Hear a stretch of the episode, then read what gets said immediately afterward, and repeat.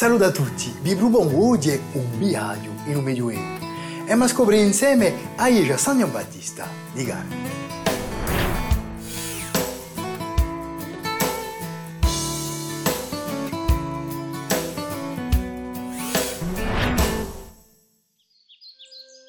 A Iecia San Gian Battista e uso campanile facciano parte dei primi monumenti classificati di Corsica e il famoso Prosper Mérimée che l'aveva rimarcato durante il suo viaggio in l'isola in 1839.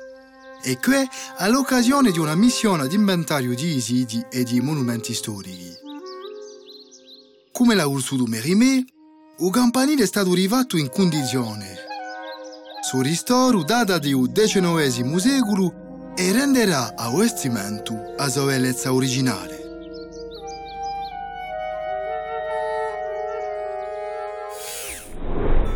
Si dice che Aiecia Rumanica è stata fondata da un maestro pisano maternato nella prima metà del XII secolo. C'è la rammenta che là è in 1092 che il governo di Pisa, missionato da Papa Urbano II, si incarichetta di stabilire nell'isola l'autorità religiosa. Ci ruemutando in tempo di riforma gregoriana. Allora, chi è la riforma gregoriana? È dunque la riforma di Ugleru, l'affermazione di potenza di un Papa e di no gettando che li sono ristabiliti i cinque vescovati in Corsica. Ogni vescovato è diviso in pieve e ogni pieve accoglie parecchie comunità e tiene una chiesa principale detta a chiesa più ana. C'è la precisa che il sacramento di battesimo si podia da solo in sei qui. San Giambattista è dunque la chiesa maestra di Abieve di Carpini che dipende da un vescovato d'Aleria. La chiesa San Giambattista di Carpini è una chiesa maestra, ma com'è che non è mica il centro di un paese? Se la si trova abbastanza lontano da un paese è perché non è mica solo a Iescia di un paese di Carpini. È proprio qui che li accogliono tutti i paesani di Urugione all'occasione di avvenimenti sacri, o bruvani.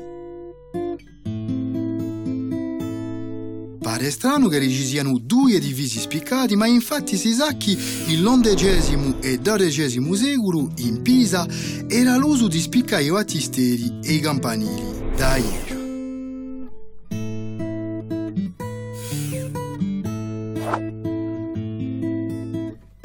Ma bultemo ja a descrizione di nostra Iescia.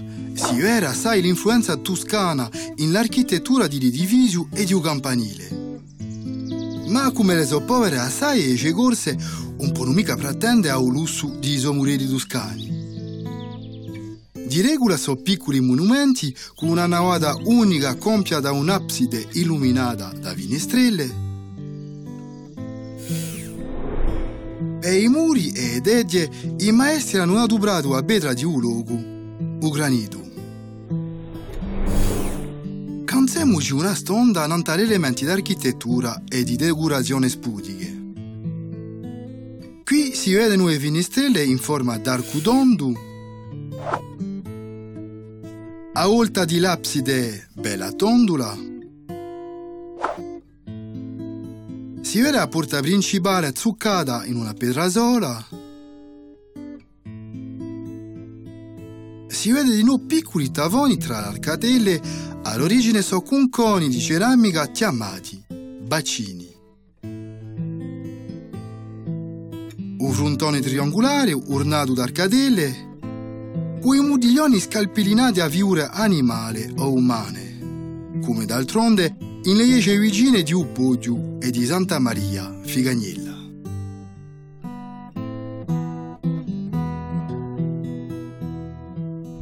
Ramintemo che i modioni che possiamo vedere qui sono infatti un simbolo dell'architettura di un medioevo. Ma voltemocene un poco alla storia. Il 1352 è fondata da Giovanni Martini una congregazione di laici in lea con l'ordine francescano. I cosiddetti Giovanali sono discepoli di San Francesco d'Assisi. umiltà e puertà sono di regola in sa comunità. Ciò di che tanto in Corsica, isola povera assai e sottomessa all'autorità di piccoli signori rugali, a predica francescana era suidata assai.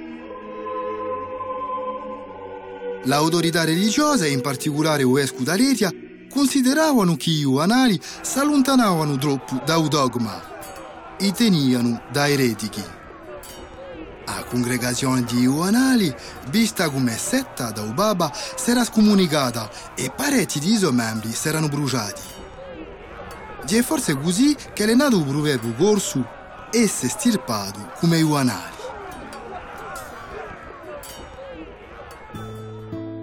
compie, si può dire che la Chiesa romanica San Giambattista di Garbini e Uso Campanile formano uno degli edifici più assegnalati di Corsica. È piaciuto su viaggio in un Medioevo? Allora ramentiamoci ciò che ci la tiene a mente. Chiesa San Giambattista di Garbini è stata fondata nel XII secolo. I modiglioni sono simbolo dell'architettura di un Medioevo e in 1352 è stata fondata la congregazione di Uanari. A presto!